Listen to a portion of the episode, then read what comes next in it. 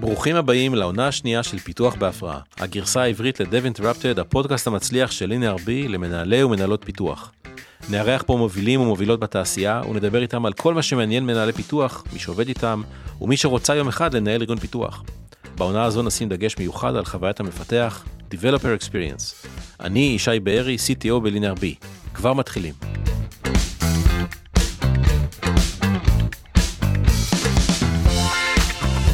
בפרק הזה אני שמח לארח את אה, נתי שלום, מייסד משותף ו-CTO ב-Cloudify, שממש לאחרונה, נרכשה על ידי דל, מברוק. תודה רבה. ואת אה, ערן ביבי, מייסד משותף ו-Chief Product Officer ב-Firefly. אהלן. אהלן, איזה כיף שבאתם. אנחנו ממש מתרגשים, אנחנו בפתיחת העונה השנייה שלנו, והיום אנחנו נדבר על uh, Developer Experience, על DevOps, על Platform Engineering, אבל קודם כל, אני אשמח אם כל אחד יספר לי בכמה מילים על המסלול שלו, איך הגעת עד הלום, ככה נקודות בקריירה, נתי בוא נתחיל איתך.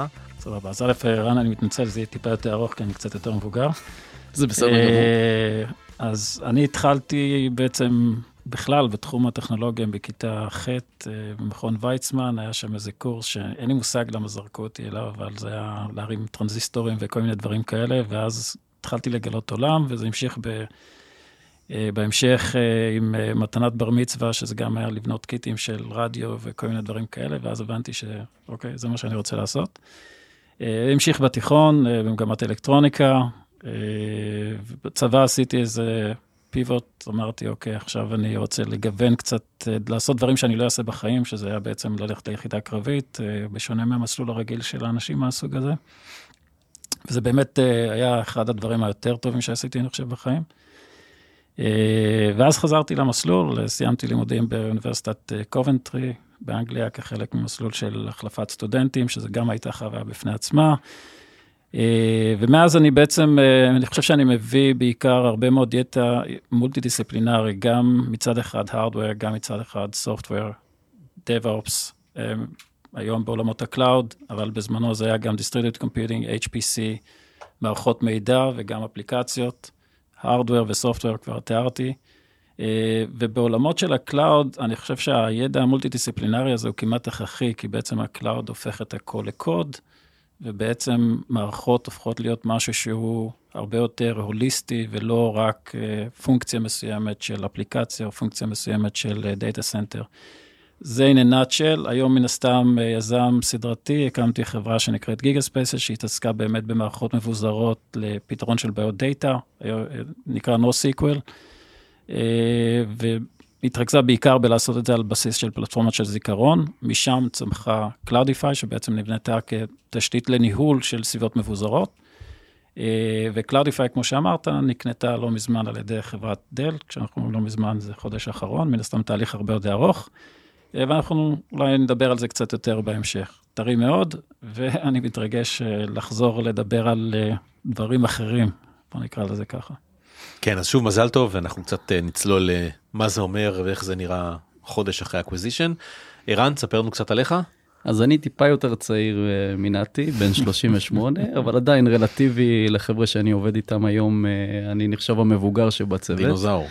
ממש, זה קשה לי לחשוב על עצמי ככה, אבל זה, זה נהיה ככה לאט לאט. אה, אז באמת אני התחלתי את החיבה למחשבים בגיל יחסית צעיר.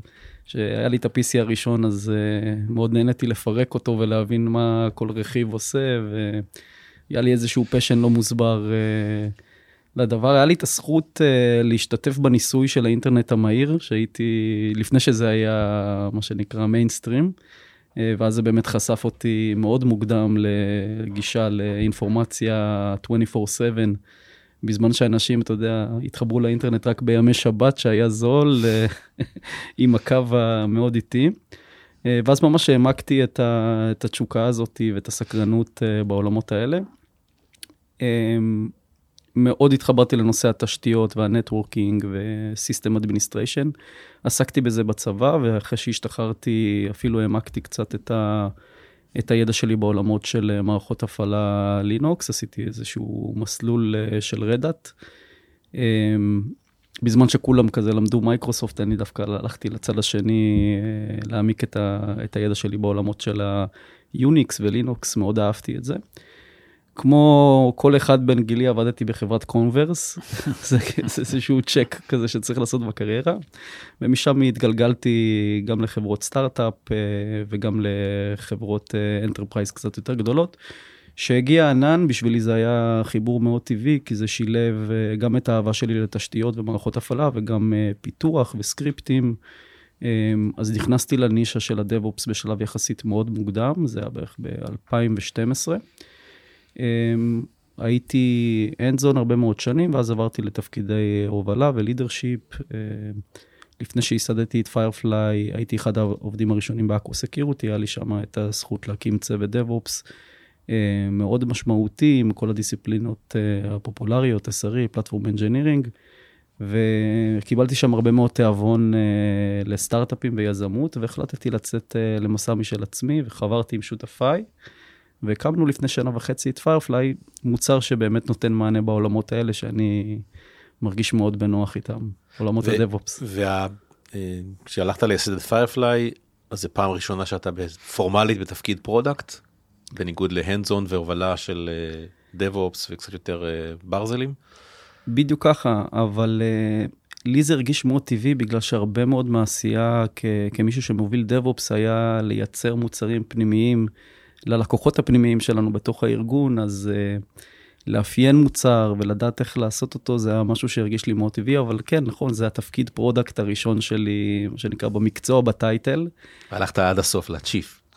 פעם כן. ראשונה ואני ב-Chief. כן, קיצרתי, עשיתי כמה קיצורי דרך בהקשר הזה, אבל uh, בסוף אני בונה היום מוצר לקהל שאני בעצם הקהל יעד שלו.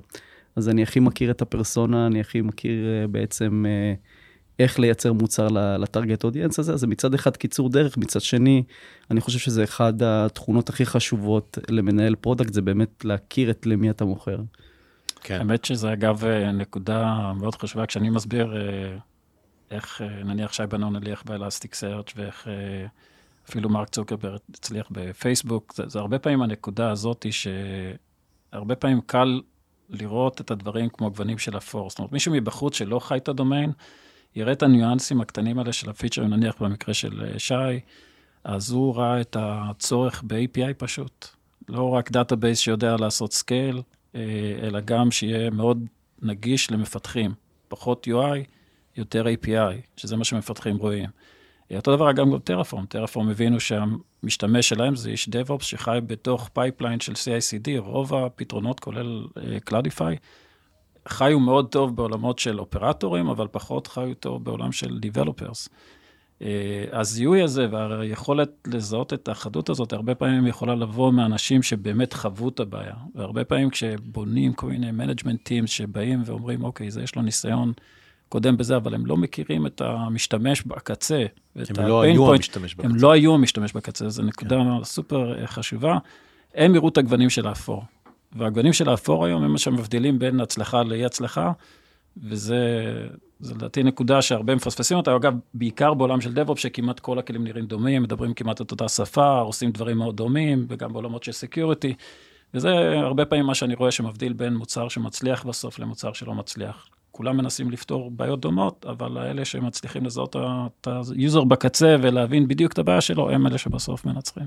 אני, אני מסכים, אני חושב שהחברות, שה, הסטארט-אפים שעובדות על, על מוצרים שהם בעצמם הלקוח, ושהמפתחים, בסוף מי שפונה למפתחים, לצוותי DevOps, והאנשים שבונים את המוצר הם אלה שמכירים first hand את השימוש, זה, זה עולם אחר. אני רואה אצלנו בלינרבי, אנחנו מוכרים מוצרים לארגוני פיתוח, וכל אחד מהמפתחים אצלנו יודע, מבין בעצמות מה זה המוצר הזה, והוא גם משתמש בו, והוא אמ, לא צריך תרגום מאנשי ה product או מי שמדבר עם הלקוחות למה הם צריכים.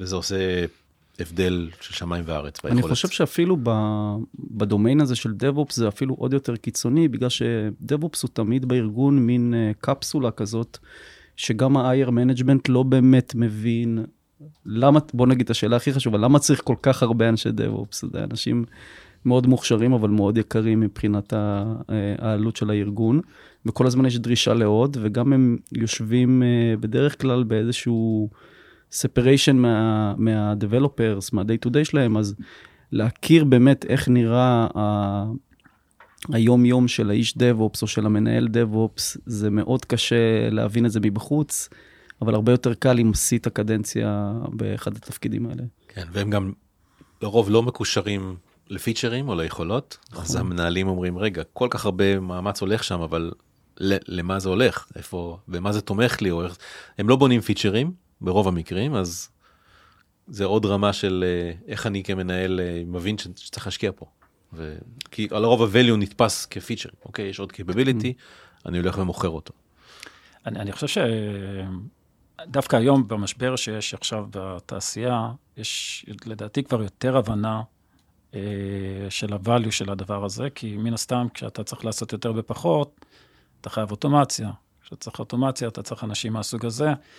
אה, ו- ואני חושב שההבנה הזאת היא כבר יותר קיימת גם ב management layer, זאת אומרת, למשל, פודקאסט קודם שעשיתי עם וויקס, ה initiative של platform engineering הגיע מהמנכ"ל, שזה היה מאוד מעניין לשמוע אותו. הוא לא הגיע מהמפתחים, הוא הגיע מהמנכ"ל. למה? כי הוא הבין שהוא צריך ולוסיטי. למה הוא הבין שהוא צריך ולוסיטי? כי התחרות שלו רצה קצת יותר מהר.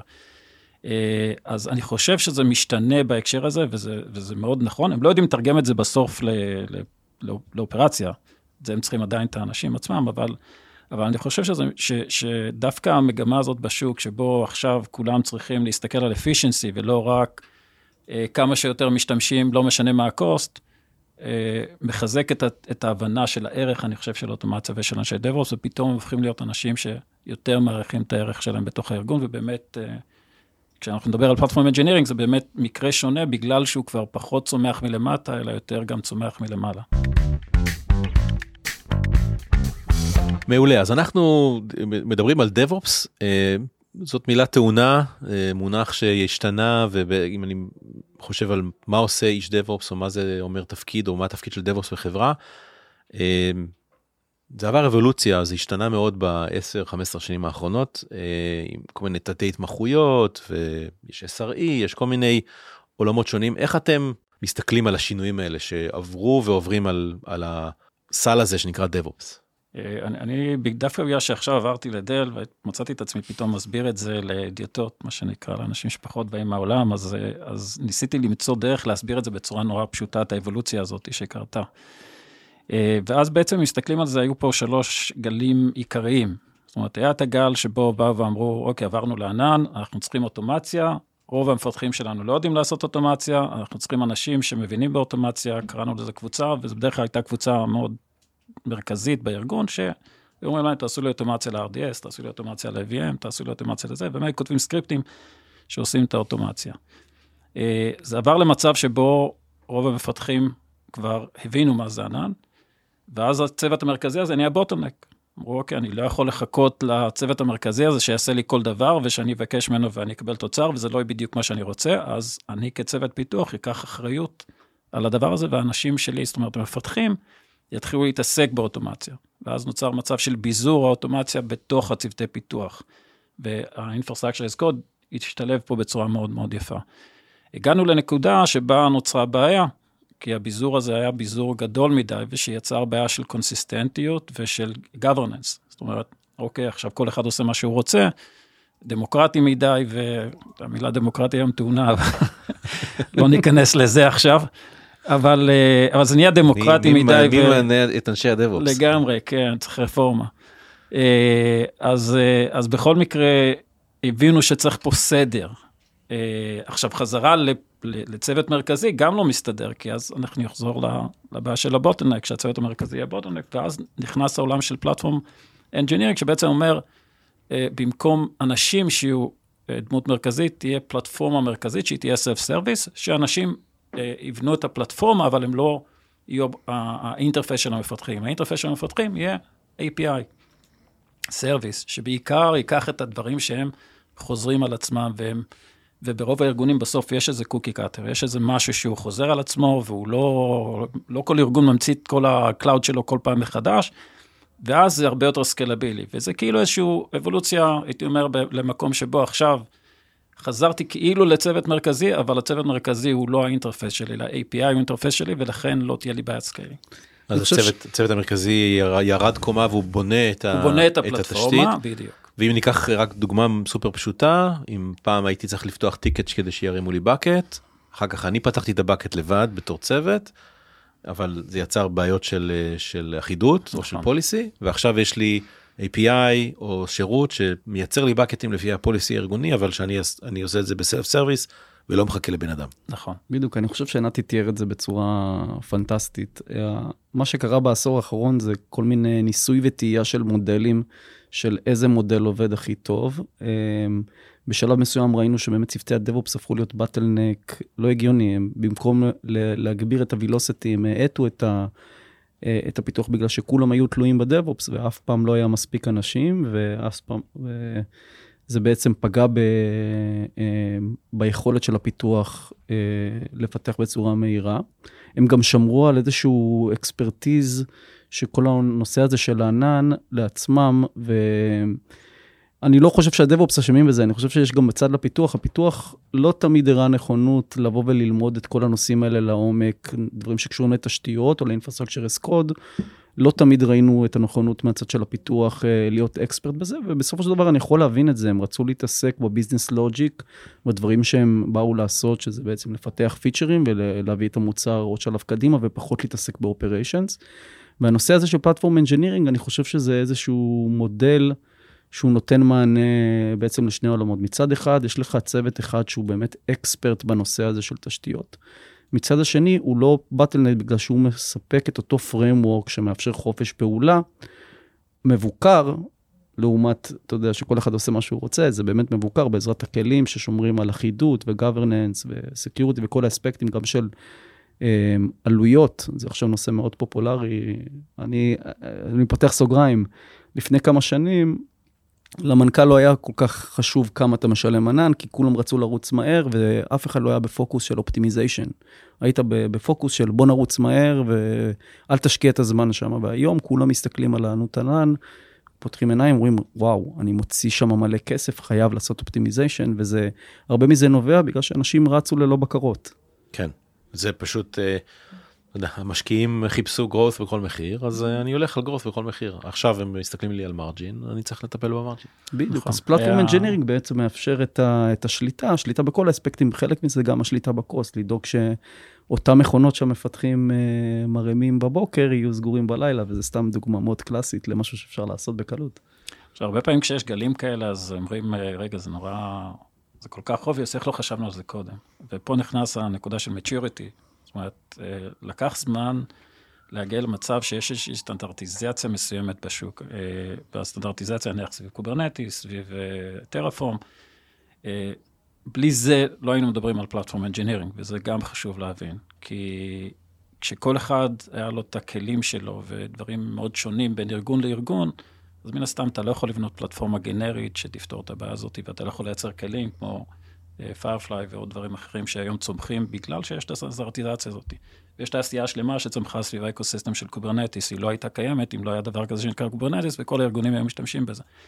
אה, ואז נוצר מצב שפתאום כולם מוצאים את עצמם באיזשהו, עושים את אותו דבר. כולם מרימים Kubernetes cluster, namespace ל development, cluster ל production, cluster נפרד ל development, נהיה משהו שהוא מאוד קנוני, ולמה אני צריך לבזבז על את הזמן כל פעם מחדש? 95% עושים בדיוק את אותו דבר. בדיוק את אותו דבר, עם ניואנסים שונים, אני צריך את זה ב regionים כאלה ולא regionים כאלה, עם אופטימיזציה, אבל לא הרבה הבדלים, וזה נהיה מאוד חוזר על עצמו, ואז זה אה, מקרה קלאסי שבו כשהבעיה הופכת להיות גנרית, אז באה הפלטפורמה. זה לא היה קורה לפני, ב-2015-2016, אז, אז אני רק שם את זה בפרספקטיבה שלא... לחשוב, בואנה, היינו טיפשים אז, עכשיו אנחנו חכמים היום, איך לא היינו חכמים אז, מה זה התעשייה המוזרה הזאת שקוראים לה הייטק? כן. אה, טוב, לפני 20 שנה אנחנו, כדי להרים שרת, היינו צריכים לשלם 15 אלף דולר ולחכות חודשיים שהוא יגיע נכון. לכלוב. ומישהו היה צריך לנסוע לשם ולעשות לו install.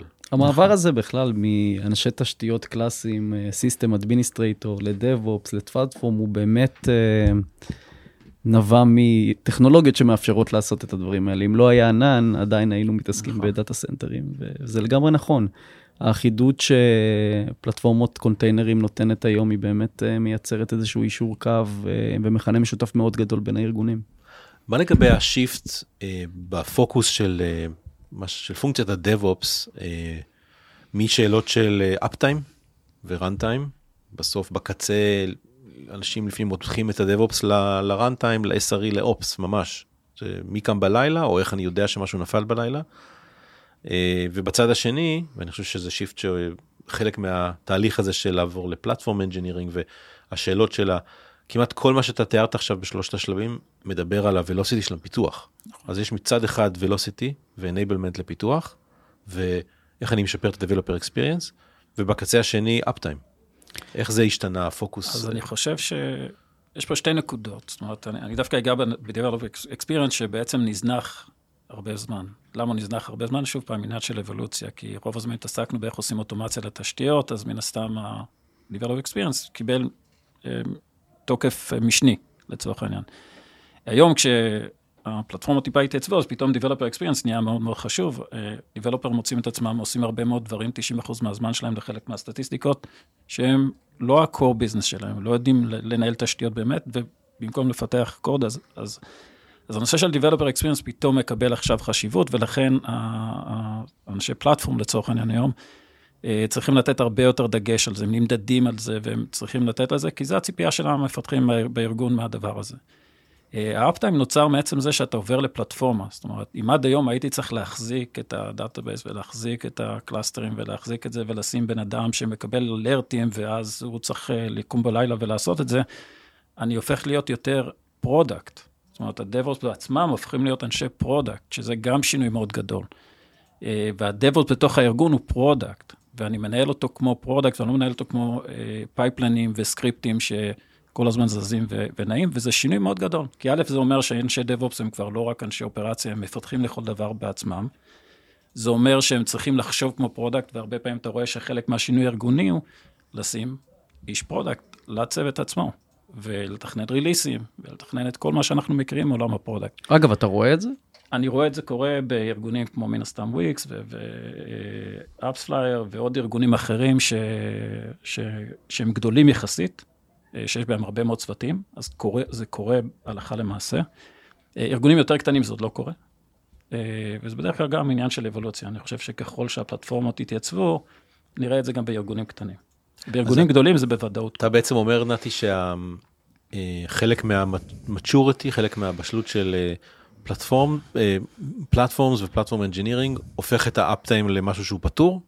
אם יש לי service, הוא בנוי טוב אז ה uptime שלו יהיה בסדר ועכשיו אני יכול להתמקד ב... אז, אז אני אומר כזה דבר, בוא נסתכל שנייה מה זה היה uptime בעבר ומה זה uptime היום. היום הענן עצמו נותן לך הרבה מאוד תשתיות שהם נניח אם אנחנו מדברים על EKS ועל Kubernetes וכל מיני דברים, יש המון פתרונות שמבטיחים לך יחסית תקרה מאוד גבוהה למה, למה ה cloud מבטיח לך כ uptime, הרבה יותר גבוה ב stack ממה שהיה קודם. Uh, מקודם זה היה ב-VMים וב storageים, ואת כל ה layer העליון היית צריך לדאוג לו. אז יש לך כבר כיסוי הרבה יותר גבוה שהוא guaranteed מה-Cloud Providers. נשאר לך עדיין ה uptime של האפליקציה, ו- וזה עוד layer שיש לך אחריות עליו, אבל הוא הצטמצם. הדבר השני שקשור ל uptime זה ה- זה באמת הפרוצדורות, זאת אומרת, איך אני בעצם דואג שכל התהליך עצמו של ה-continuous updates וכל הדברים האלה לא ישבור לי תהליכים, וגם פה נוצרו הרבה מאוד כלים שכבר יודעים לעשות את העבודה הזאת בצורה יותר רציבה. אז פשוט הדלתא שהיום אנשי DevOps צריכים להתרכז בה, הצטמצמה. ו... ומצד שני, החלק שהם לא נגעו בו כמעט, שזה פיתוח ממש של מוצר, ושזה התמודדות עם UX של מפתחים, זה הופך להיות חלק יותר גדול שהם נמדדים עליו, וזה, וזה transition. זה, זה חלק קשה, אגב, לא הרבה יעברו אותו. יהיו הרבה, הרבה אנשי DevOps שלא יתאימו ל transition הזה. אה, וזה קורה עכשיו, וזה ב transition, והוא לא קל. להרבה ארגונים הוא מאוד קשה אפילו. ערן, איך אתה רואה את ה transition הזה מפוקוס על uptime ובנייה של infrastructure לפוקוס על Developer Experience ו-Velocity?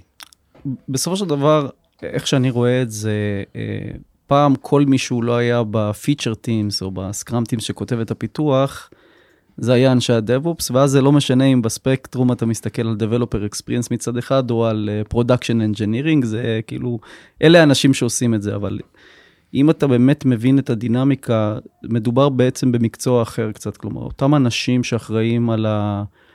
על ה-reliability של, אה, של ה service וה-scalability וכל הדברים שמה שנקרא non-functional testing, האם זה עומד ב scale, האם זה bulletproof, כל הנושא הזה של regionים ומה קורה עם disaster recovery.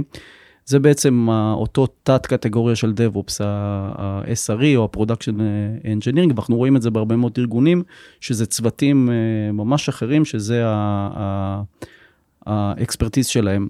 מה שכן רואים ואיך זה מתחבר לפלטפורמה, שהם גם אחראים באיך לייצר את אותו service של מפתח, עם אותן מטריקות, עם אותם guard rails שקשורים ל-monitoring, ואני רואה את זה מחלחל לתוך הצוותי פיתוח. כלומר, העולם הזה הוא לא באמת מנוהל אה, בצד על ידי צוות ייעודי, אלא אותו צוות ייעודי שהוא ה-subject matter expert בעולמות האלה של monitoring אה, ואנג'ינירינג, הוא בעצם נותן את התורה ודואג באמת ש-service שהוא מונגש על ידי הפלטפורמה, יכיל גם את אותם אה, אה, אלמנטים שקשורים ל-monitoring אה, אה, של האפליקציה, ולא רק ה-business logic, כלומר, האם יש לך את ה-health check שצריך, האם uh, זה יודע לעשות scale, ומה קורה במצבים עם הסרוויס למטה. Uh, וכמו שנתי אמר, גם הרבה מאוד מהטכנולוגיות החדשות כמו Kubernetes, הם עושים אבסטרקציה לזה. Kubernetes הוא בגישה ש-pod, שבעצם מריץ את האפליקציה, הוא יכול למות בכל רגע וזה לא משנה. אין עם זה בעיה ש-pod קורס, כי Kubernetes הוא יעשה את ה-orchestration ויעלה pod אחר, או שתמיד יש לך ב-deployment יותר מ-pod תחת אחד. תחת ההנחה שהאפליקציה מכירה את זה ויודעת להסתדר. נכון, וזה התפקיד באמת של אותם אנשי פלטפורמה, לדאוג ש, שמה שמתאר את האפליקציה יכיל את אותם רכיבים, כדי ש-Kubernetes יעשה את העבודה שלו כמו שצריך. עכשיו, פה, פה נכנס גם הנושא של ה-shift left, זאת אומרת, בעבר, אה, אותם SREs, מה שהם היו עושים זה, זה מתקנים בדיעבד. זאת אומרת, מישהו היה עושה משהו, היה עושה אותו משהו לא נכון, בודקים, אה, לא עשית את הקונפיגורציה נכון, ואומרים, 95 אחוז פחות או יותר מה-downtime הם נובעים מטעויות אנוש.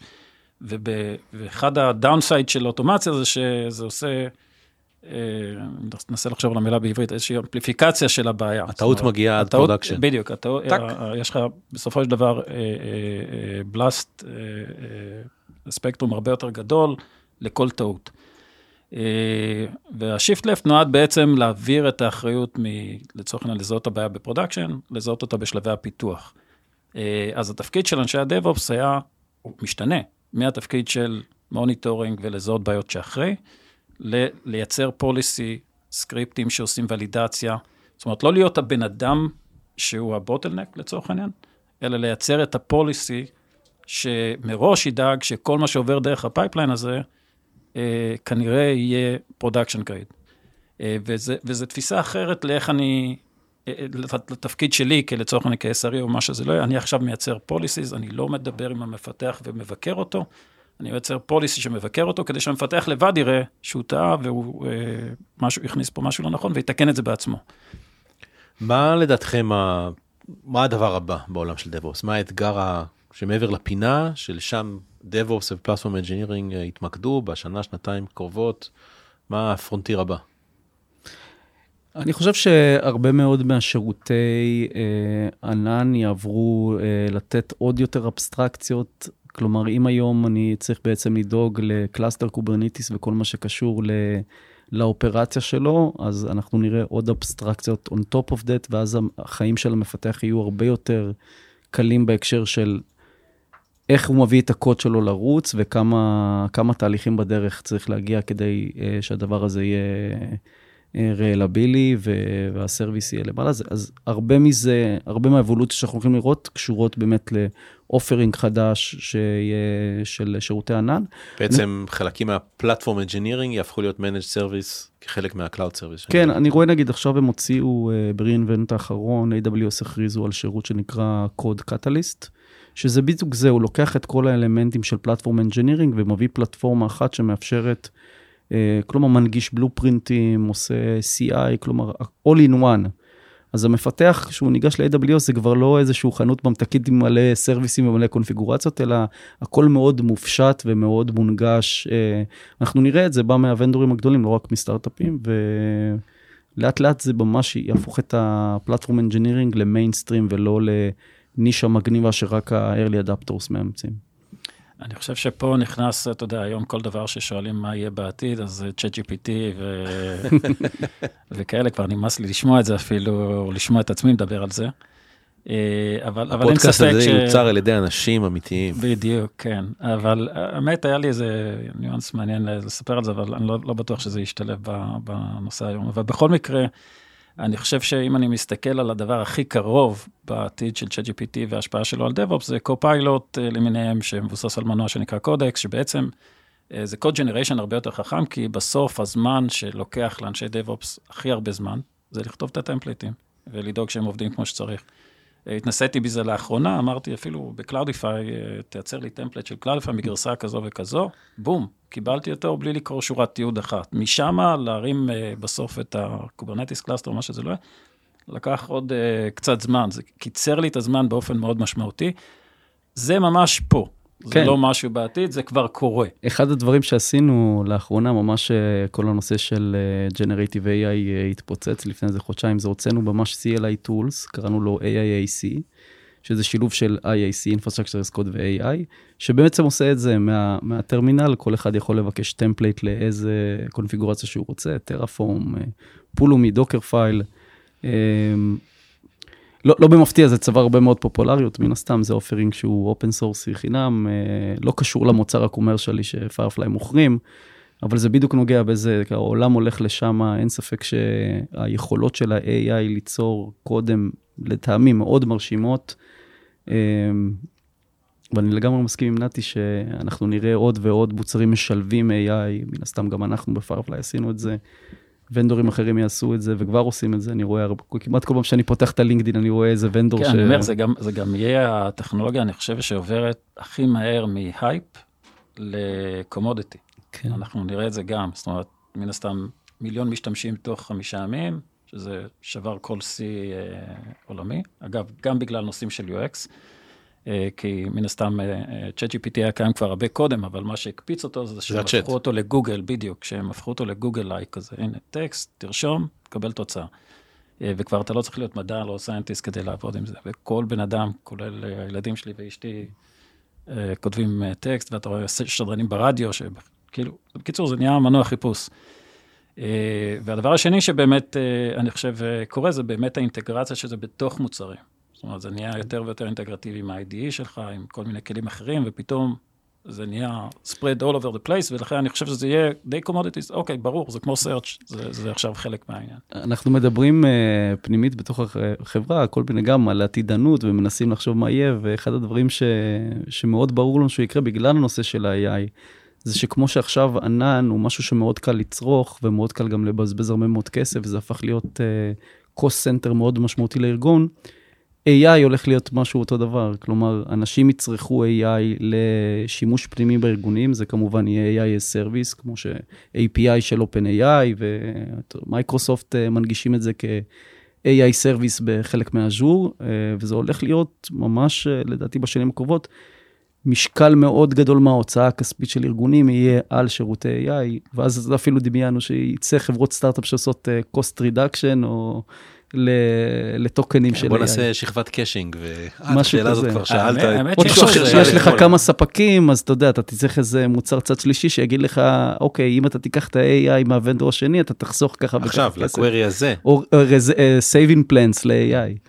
האמת שזה מעלה שאלה שאני זוכר ששנים ניסו לענות עליה ולא הצליחו, והיא הופכת להיות אה, הפוכה או מעניינת במובן הזה של העיבוד דאטה. זאת אומרת, עד היום, הצורה שבה מערכות monitoring אה, וכאלה דברים, אתה אוסף את הדאטה אליך, הוא שלך, ואתה מייצר ממנו תובנות. אה, ובעבר זה היה כאילו הנכס שלך גם. היום אנחנו רואים שככל שהמידע הוא לא שלך, זאת אומרת, המידע שהוא לא שלך כנראה אפילו יהיה יותר איכותי מהמידע שלך, לגבי טרנדים, לגבי cost analysis, לגבי כל הדברים האלה. ChatGPT הוא דוגמה מצוינת, כי בעצם הוא עושה אגרגציה של כל הקוד בעולם, שנצבר בגיט ובעוד אה, מקורות אחרים, או של קוורה, או של כל מיני דברים כאלה, ומייצר תובנות הרבה יותר טובות מעצם זה שהמידע הופך להיות שיתופי. אה, ועכשיו, אם אתה רוצה שהמערכת שלך תהיה מערכת לומדת, אז אם אתה תצמצם אותו רק למידע שאתה צובר, אז מן הסתם יש לך פחות דאטה לעבוד עליו. אז פתאום זה משנה גם, וזה משהו שאני עוד לא חושב שאנשים הפנימו לגמרי, את כל התפיסה שלנו על עיבוד מידע, על Data Analytics, על Insights ואיך מייצרים Insights. אנחנו פתאום הופכים להיות מין משהו שצריך לעשות supervised learning, ולא משהו שצובר את המידע ועושה את האנליזות אצלנו. וכבר, וזה, וזה וכבר, שינוי מאוד גדול לדעתי. וכבר נפתחה תיבת הפנדורה של בעלות על הדאטה, בדיוק. של קופירייט. אני חושב ששם יש עוד הרבה מאוד שאלות שפתוחות, אבל, אבל אני חושב שמה ש-JPTPT ממחיש, זה שה-ownership על הדאטה הוא כבר לא הופך להיות הנכס. הוא, אבל, אבל עדיין אתה צריך לשמור עליו באיזושהי צורה, אבל אה, להנגיש את המידע הזה החוצה, כנראה ייתן לך יותר ערך. מה שיהפוך להיות יותר ערך זה ה-supervised learning, זאת אומרת, איך אני יכול להוסיף domain specific knowledge שהוא ידע להגיד, כמו במקרה שלכם, אני לא רוצה חיפוש על כל טרפורם בעולם, אני רוצה חיפוש על טרפורם מודולס אה, ב-AWS אה, שעושים ככה, והנה כן. יש מישהו שיודע לפלטר לי את זה ולהביא לי את זה בצורה יותר מונגשת. אוקיי, אז אה, אם אנחנו קצת נחזור, נחזיר את הדיון לעולם של DevOps, אז אוקיי, Generative AI בתור עוד כלי, אולי אפילו משהו שיעשה shift ב skill set ש... איש DevOps אה, צריך כדי לבנות את הפלטפורמה או כדי לשפר אותה. אה, מה עומד להשתנות לדעתכם מבחינת סוג הבעיות או במה יהיה התמקדות של התפקיד של ה-DevOps? אם אני מסתכל קדימה, אה, איזה בעיות עיקריות הם, הם יפתרו או מתחילים לפתור היום ויפתרו יותר בשביל הארגון? אני יכול להעיד עכשיו ממקום שבתי בדל, אז, אז יש פה עולם שלם שאני חושב שפחות הונגש היום לעולמות של DevOps, וזה באמת הנושא של IoT והנושאים של Devices, ובאמת להסתכל על ה-Cloud מעבר ל data center המרכזיים שיושבים עכשיו בענן. אה, ואיפה אנחנו רואים את זה? בכל מקום. המצלמה מחוברת לווי-פיי, ומחוברת לזה, ומן הסתם מקבלת Continuous Updates אה, בלי שאנחנו אפילו שמים לב. המכונית, אם יש לכם טסלה, אז אתם רואים את זה, מן הסתם כל אחד רואה את זה במכונית שלו, המקרר בבית, הטלוויזיה. הטלפון כמובן, כל דבר שאנחנו זזים איתו היום, השעון שלי מן הסתם, הכל כבר מחובר לאינטרנט, הכל מחובר לענן, אבל כשאנחנו מדברים על עולמות של DevOps, אתה רואה שהתשתיות DevOps לא, לא בנויות להתמודד בזה בצורה גנרית, זאת אומרת, כל אחד תפר לעצמו את האפדייט. כלומר, pipeline של איך אני עושה פיתוח ו release ופריסה לאותו, לאותם מכשירי קצה. בצורה גנרית. בצורה שהיא לא אה, תפורה לכל device ולכל ארגון, ואני לא צריך שכל אחד יעשה את זה בעצמו. אני חושב שה-public clouds אה, עוד לא פתרו את השאלות האלה ברמה שמתקרבת נכון, בכלל, איך שהם נכון, פתרו את ה-centralized נכון, אה, compute נכון. ל-B2B SaaS קלאסי. נכון, ו- וזה פותח לדעתי עולם שלם של feedback loop, כי מן הסתם הרכיבים האלה כבר ממש דוגמים את הבן אדם, ומחברים את הבן אדם לתוך הענן, ומייצרים איזו אינטראקציה קצת מפחידה, גם מעניינת, אה, עם הרבה מאוד פוטנציאל. אני חושב שזה Uncharted Territory עדיין. אה, אפרופו, מה שקרה לנו בקלאודיפה בדרך, זה שחשבנו על זה קצת מוקדם מדי, זה עשה לנו איזה disruption בדרך, אבל בסוף מישהו זיהה שזה דבר שהוא מחפש, וככה פחות או יותר הגענו גם לדל.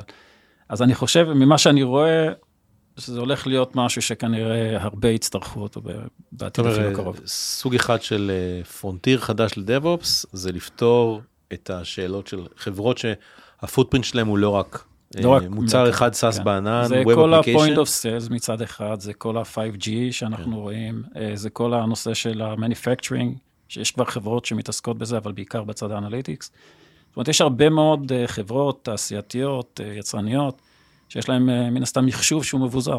האנשים עצמם מבוזרים כבר עם הרבה מאוד רכיבים, אני אתן את הדוגמה של הגרמין שיש לי.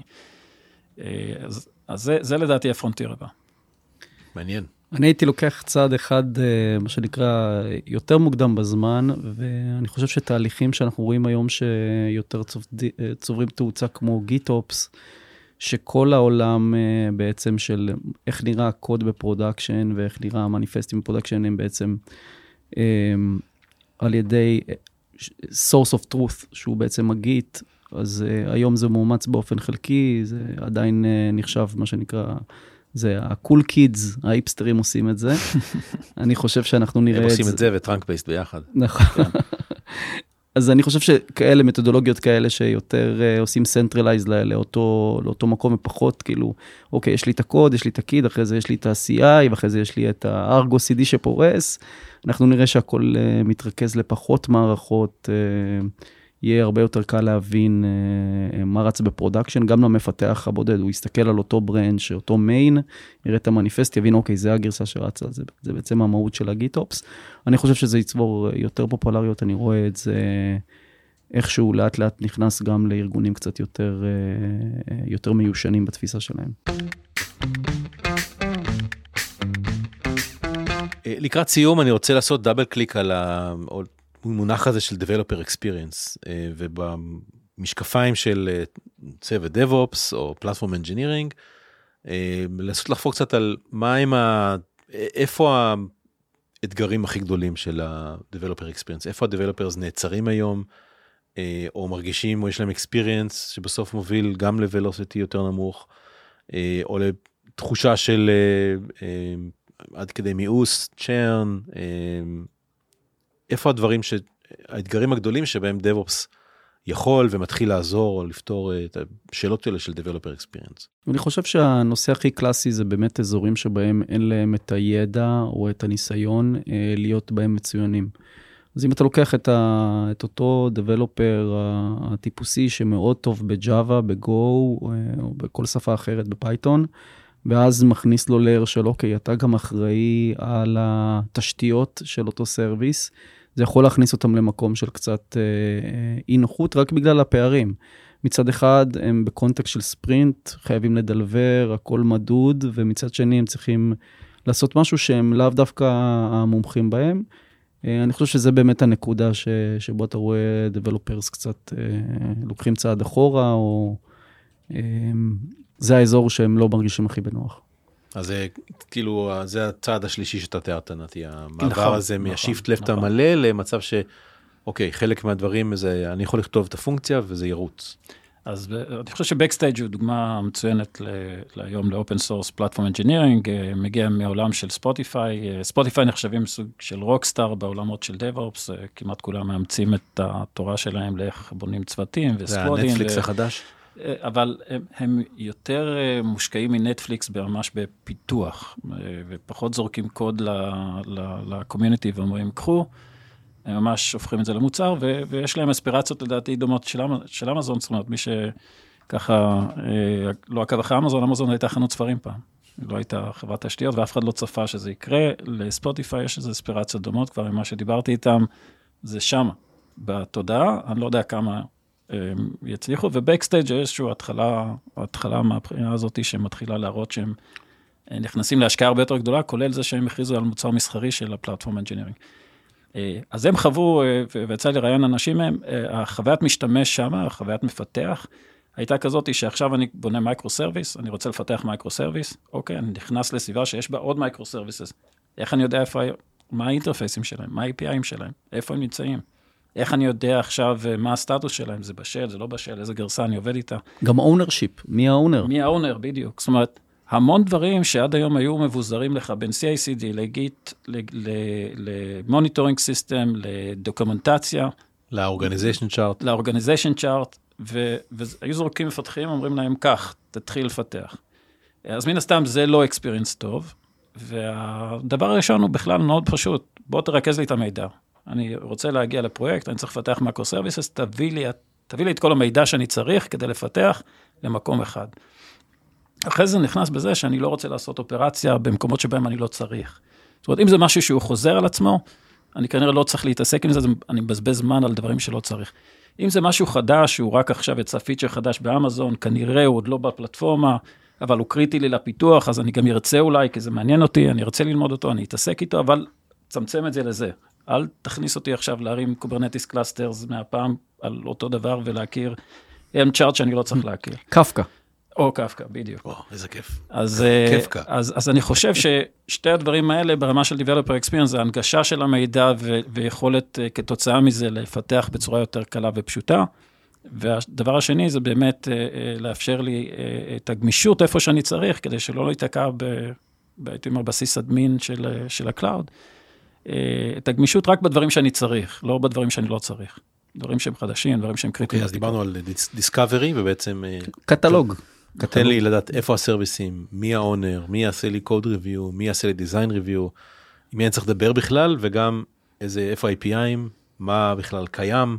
אה, אני חושב שזה גם Developer Experience אה, משתנה לאורך החיים של המפתח בארגון, נכון. ורוב הארגונים, אולי קצת פחות עכשיו בדאון אקונומי, אבל רוב המפתחים הם מפתחים חדשים. הם עכשיו הצטרפו, גייסנו אותם, כולם צומחים, כולם צריכים לחפש כל הזמן מידע. אחר כך שאני כבר סיניור, אני כבר אגב, גם, מכיר את כל גם, הארגון, גם אם אז לא חדשים, הרבה פעמים אתה מצניח אותם כל פעם לאיזה פרויקט אחר, במיוחד בעולמות של micro services, זה כבר לא איזה מונוליט שאתה חי בתוכו הרבה מאוד זמן, אתה כל פעם נזרק מפרויקט לסוג של פרויקט לפרויקט, אפילו באותו פרויקט. אה, ואז ההנגשה הזאת הופכת להיות, ונניח, כש, כשדיברתי אפילו עם המפתח הזה של ספוטיפיי על החוויה שלו, הוא אומר, אני, אני הגעתי ל Backstage בגלל שבעצם מצאתי את עצמי משקיע כל פעם, הרבה מאוד זמן, רק בללמוד, להכיר את מי, עם מי אני צריך לדבר, אה, מי זה האנשים שכן יודעים ויש להם את ה domain experts, ועד שאני מתחיל לכתוב שורת קוד, לקח לי הרבה מאוד זמן. ומשם צמח ה Backstage. וגם אתה רואה ארגונים שמאמצים את זה, AppsFlyer זו דוגמה שהעלית, הם מאמצים platform engineering ברמה מאוד גבוהה וגם משתמשים ב Backstage. המערכת הזאת הופכת להיות business critical לכל דבר, כלומר זה לא איזה nice to have, יש לי איזה מערכת קטלוג של סרוויסים, אלא זה מערכת שיש צוות שיושב ומתחזק אותה, וזה כל כך crucial ל velocity של הארגון, כי אתה שם דגש על ה-Developer Experience, אתה לא יכול לחיות בלי זה ברגע שאתה מתניע את זה. כלומר, היא תיפול בלילה, אז אה, ה production של לגמרי. לא יקרה לו כלום, אבל ה-Developers קשה להם לזוז. היא תיפול בלילה, יהיה מישהו שיתעורר, כי, כי ה-Developers ל-Velocity, לפיצ' כי זה הפך להיות חתיכה מאוד מרכזית באיך הם אה, מפתחים מוצר, ככה שזה כבר לא nice to have, זה business critical system. אני, אני רוצה לתת אנלוגיה בשביל שזה יהיה מובן, כי הרבה פעמים, ה- גם, גם, גם בשאלה שלך, אני חושב שזה הראה את, ה, את הטעות שהרבה פעמים אנשים עושים. זאת אומרת, צריך לחשוב על Software Delivery Pipeline כמו קו ייצור. זאת אומרת, עכשיו אם הייתי אומר לך, אה, אוקיי, הקו ייצור בטסלה נעצר. היית אומר לי, ברור שמישהו צריך לקום ולדאוג שזה יקרה, ו- ואין מצב שה pipeline הזה נעצר. אמנם המכונית עוד לא ב production, אבל ה pipeline נעצר, אז זה עוד יותר קריטי, כי ברור שכל החברה יושבת על ה pipeline הזה. אה, הבגרות של, אני חושב, של אה, ההייטק בכלל, זה שעוד לא לגמרי מבינים ש pipeline של פיתוח הוא לא שונה מקו ייצור של טסלה. זה בדיוק אותו דבר. זה pipeline, שבסופו של דבר נכנס קוד מצד אחד, יוצא פיצ'ר מצד שני, בקצה יש לקוח שצורך את זה ומשלם כסף לחברה. אה, ו- ואיזשהו התובנה הזאת, ההפנמה הזאת קיימת, אבל לא עד כדי כך. ולכן הרבה פעמים אתה שומע את השאלה הזאת, אוקיי, אז נעצר הפיתוח, הוא יקום בבוקר, יעשה את זה. אבל אני אומר, לא, לא, זה לא מפתח אחד. א', זה הרבה מפתחים, וב', זה מה שבסוף ימכור לך, ויהיה לך דיליי ב-revenue בסוף, וזה יפגע לך בשורה התחתונה. ואני חושב שבהרבה מקרים, לא רק דיליי ברבניו ופיצ'רים חדשים, עם הארגונים שעברו למהלכים מודרניים של CI/CD וכולי, אם, אני, אם אין, לי, אין לי pipeline אמין בכל רגע נתון, אני לא יכול לטפל בתקלות. נכון. באמצע הלילה עכשיו, כן יש תקלה ב production, בלי pipeline אני, אני לא ולא יכול היית, לתקן ולא אותה. היית אפילו שואל את השאלה הזאת, אם זה היה קו ייצור אה, של מכוניות, נכון? או של אה, מקררים, או של אמת, משהו אחר. אמת. ואני אומר, זה לא שונה. אנחנו פשוט עוד לא הפנמנו שזה לא שונה. כן, הארגונים האלה ממש נמדדים, יש להם KPIs שהם נגזרת של כמה זמן חסכתי בזמן של פיתוח. כמה מפתחים חסכתי, כמה אוטומציות עשיתי לפחות של דבר גרמו לי להיות הרבה יותר יעיל. זה דברים שהם סופר מדידים. איך אני מודד כמה זמן חסכתי? מה, ככה, גישה לפחות להתחיל לענות על השאלה הזאת. אוקיי, הרמתי Backstage, כמה זמן חסכתי? אז, אז אני, אני חושב שהדבר שלצורך העניין מגשר על זה מעולמות של marketing לצורך העניין, אה, זה PLG, Product Led Growth, אה, שבעצם אה, הוא באופן עקיף עונה על השאלה הזאת, אבל הוא עונה על השאלה הזאת. זאת אומרת, אתה יכול לראות היום, זאת אומרת, היום חלק מה, מהצורה שבה marketing עובד, מאוד, מאוד מחובר ל-development. איך הוא, איך הוא עומד, אם אנחנו מסתכלים על Slack, אה, דוגמה ל-PLG שכולם משתמשים בה, אה, וזה דיון אחר, PLG כן עובד, לא עובד. אבל בגדול, אני יודע היום בהרבה מאוד uh, מקרים למדוד איזה פיצ'ר בסוף מביא לי מוניטיזציה, כן מביא לי מוניטיזציה, שיפר לי את ה-UX, לא שיפר לי את ה-UX של המפתח עצמו. עכשיו, מן הסתם, ככל שיש לי דיליי בפיצ'ר הזה, אני יודע שעכשיו נופלים לי 20% מהמשתמשים בלוגין. למה? כי הם לא מוצאים את כפתור. הכפתור הנכון, או מה שזה לא יהיה. אז די ברור לי שדיליי בדבר הזה יפגע לי ב, ב, בלקוח. יש לי פיצ'ר שמתחרה פיתח ולי אין אותו, למשל אינטגרציה עם ChatGPT. אה, אז אני יודע להגיד שהוא אה, יפגע לי במכירות.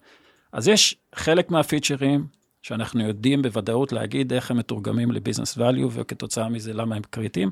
יש הרבה non-functional שזה soft, הייתי אומר מטריקס, זה לא משהו שאני יכול למדוד ממש בשורה התחתונה, ואנחנו יודעים שאם המערכת שלנו לא תהיה highly available בצורה טובה, וזה גם יפגע בחוויה של הלקוחות שלנו, אבל המדדים הם כבר לא קשיחים, או לא, אי אפשר לתרגם אותם בצורה שהיא quantified, זאת אומרת שהיא, אה, לא מוצא את המילה בעברית, היא, היא לא... אה, זה לא ברק, ישר על הדולרים. כן, של... בדיוק, היא לא יושבת ישר על הדולרים, אבל יודעים שהיא חשובה, וזה יותר soft, soft metrics.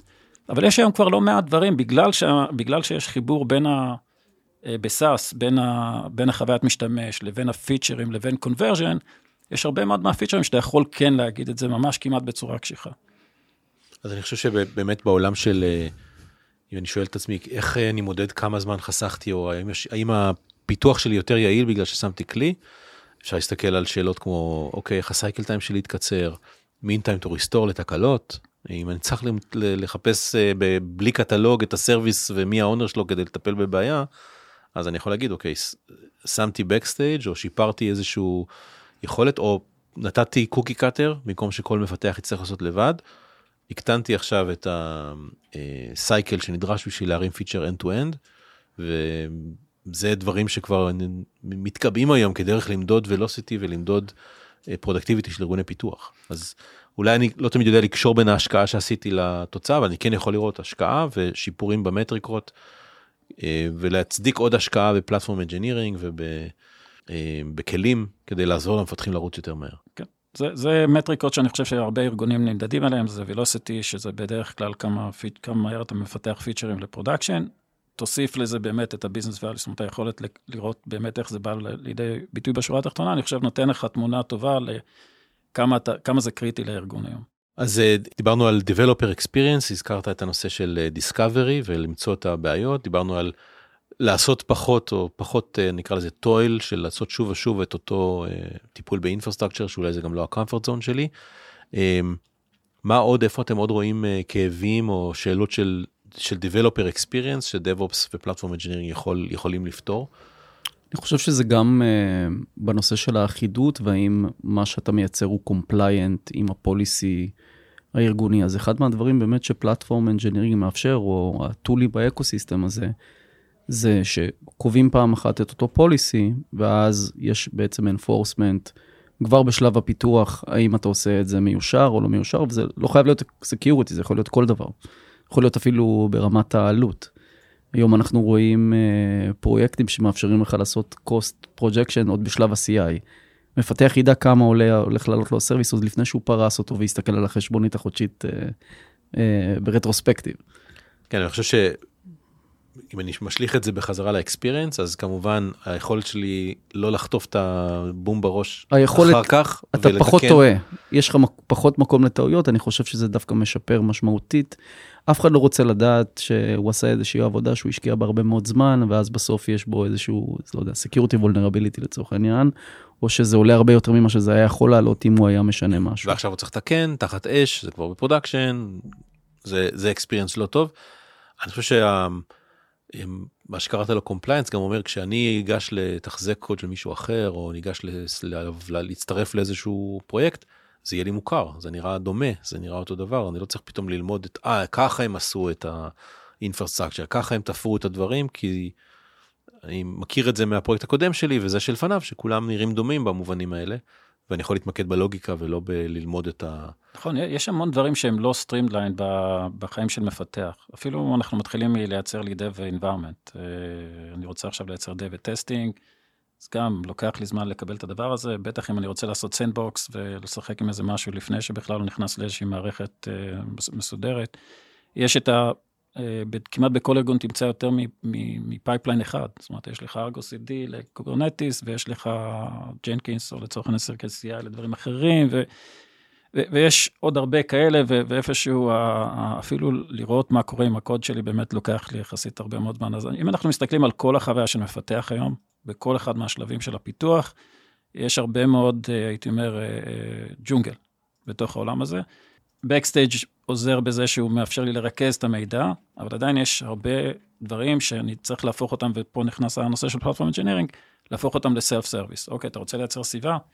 קליק, הנה נוצרה לך סביבה, אתה יכול לעשות מה שאתה רוצה. זו סביבה שהיא sandbox, זו סביבה שהיא כבר semi production. אתה יכול להפוך את הדברים האלה הרבה יותר self service מהבחינה הזאת. pipeline, באמת GitOps מאפשר לי לנרמל את כל הנושא הזה של ה pipeline. אתה מדבר רק עם GitOps, ו GitOps כבר מתחבר ל Argo CD או למה שצריך שם, אתה לא צריך להיות זה שמתעסק עם זה. הדבר שנשאר, אני חושב, ויישאר עדיין מורכב, זה כל הנושא של ה troubleshooting. זאת אומרת, אוקיי, פיתחתי משהו, משהו שם אה, קרה והתקלקל וכאלה דברים, זה עדיין תהליך שאני חושב אה, עדיין לוקח זמן, ואני לא רואה הרבה פתרונות שלגמרי פותרים אותו, יש כל מיני ניסיונות, אני חושב שעדיין הוא rough edge בהרבה מאוד מובנים. אה, לסיום, נשמח אם כל אחד מכם ייתן ככה טיפ אחד למישהו שחי את עולם הדב-אופס ורוצה להתפתח, או להסתכל מה הדבר הבא שהוא צריך לשים אליו לב, הוא או היא. אז ככה נקודה אחת לשים לב אם אני practitioner או leader בעולם של DevOps ו platform engineering, על מה לקרוא מחר או על מה לחשוב בשבועות הקרובים. אני אגיד משהו שזה קצת פילוסופיה, אבל אני אומר את זה מפוזיציה, אבל אני באמת מאמין בזה היום, אה, שיש לי פרספקטיבה קצת אחרת, לא רק כמנהל DevOps, אלא כ vendor. תמיד לחשוב האם מוצר שתקנה אותו מהמדף, הוא יהיה שווה לך יותר מאשר לעשות in-house. גם אני חטאתי בזה, אני חושב שהרבה מאוד מנהלי DevOps אה, התמכרו ל-Build Your Own uh, Solution. NIH, כן. כן, אה, וזה נחמד וזה מגניב, ויש המון open source היום וקהילה מטורפת בכל מה שקשור ב ecosystem של ה-DevOps Engineering ו-Platform Engineering, וזה מאוד קל להראות ערך אה, מבלי להוציא כסף מהכיס.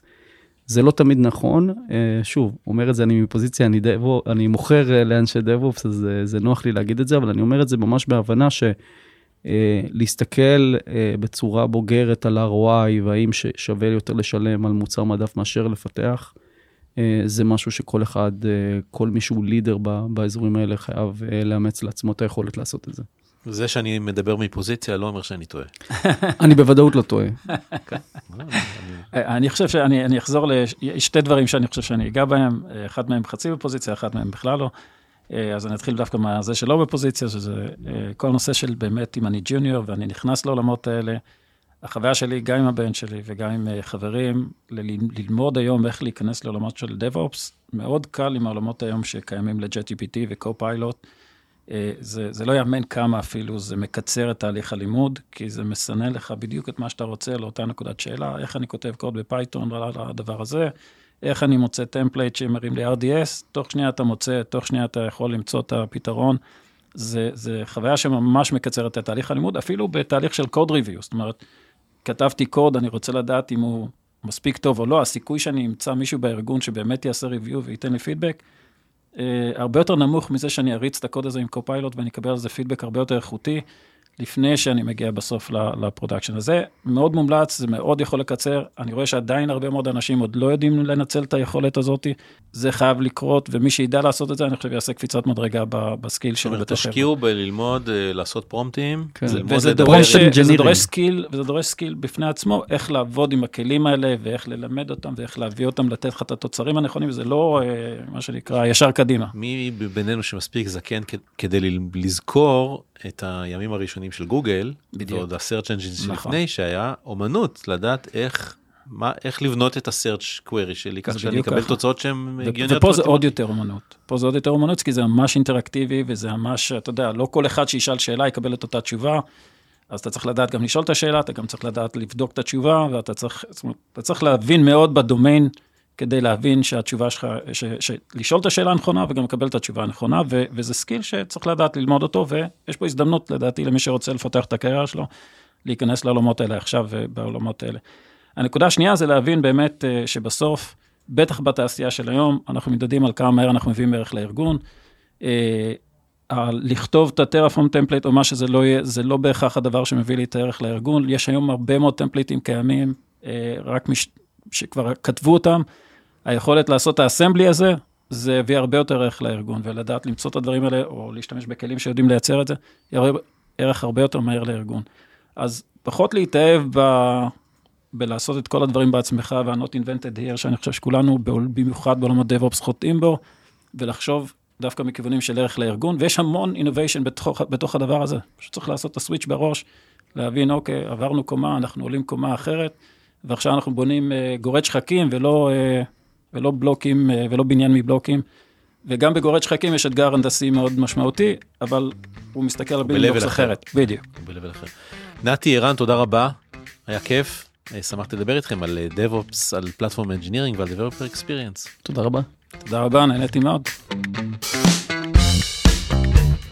כנסו ל-devinterrupted.com להירשם, תוכלו למצוא שם גם את כל הפרקים שלנו באנגלית. אני מזכיר לכם שאנחנו בלינאר בי, בצמיחה מהירה, מגייסים למגוון של תפקידים בכל התחומים. בואו ל-linarb.io/careers למצוא את האתגר הבא שלכם. אני ישי בארי, נשתמע בפרק הבא.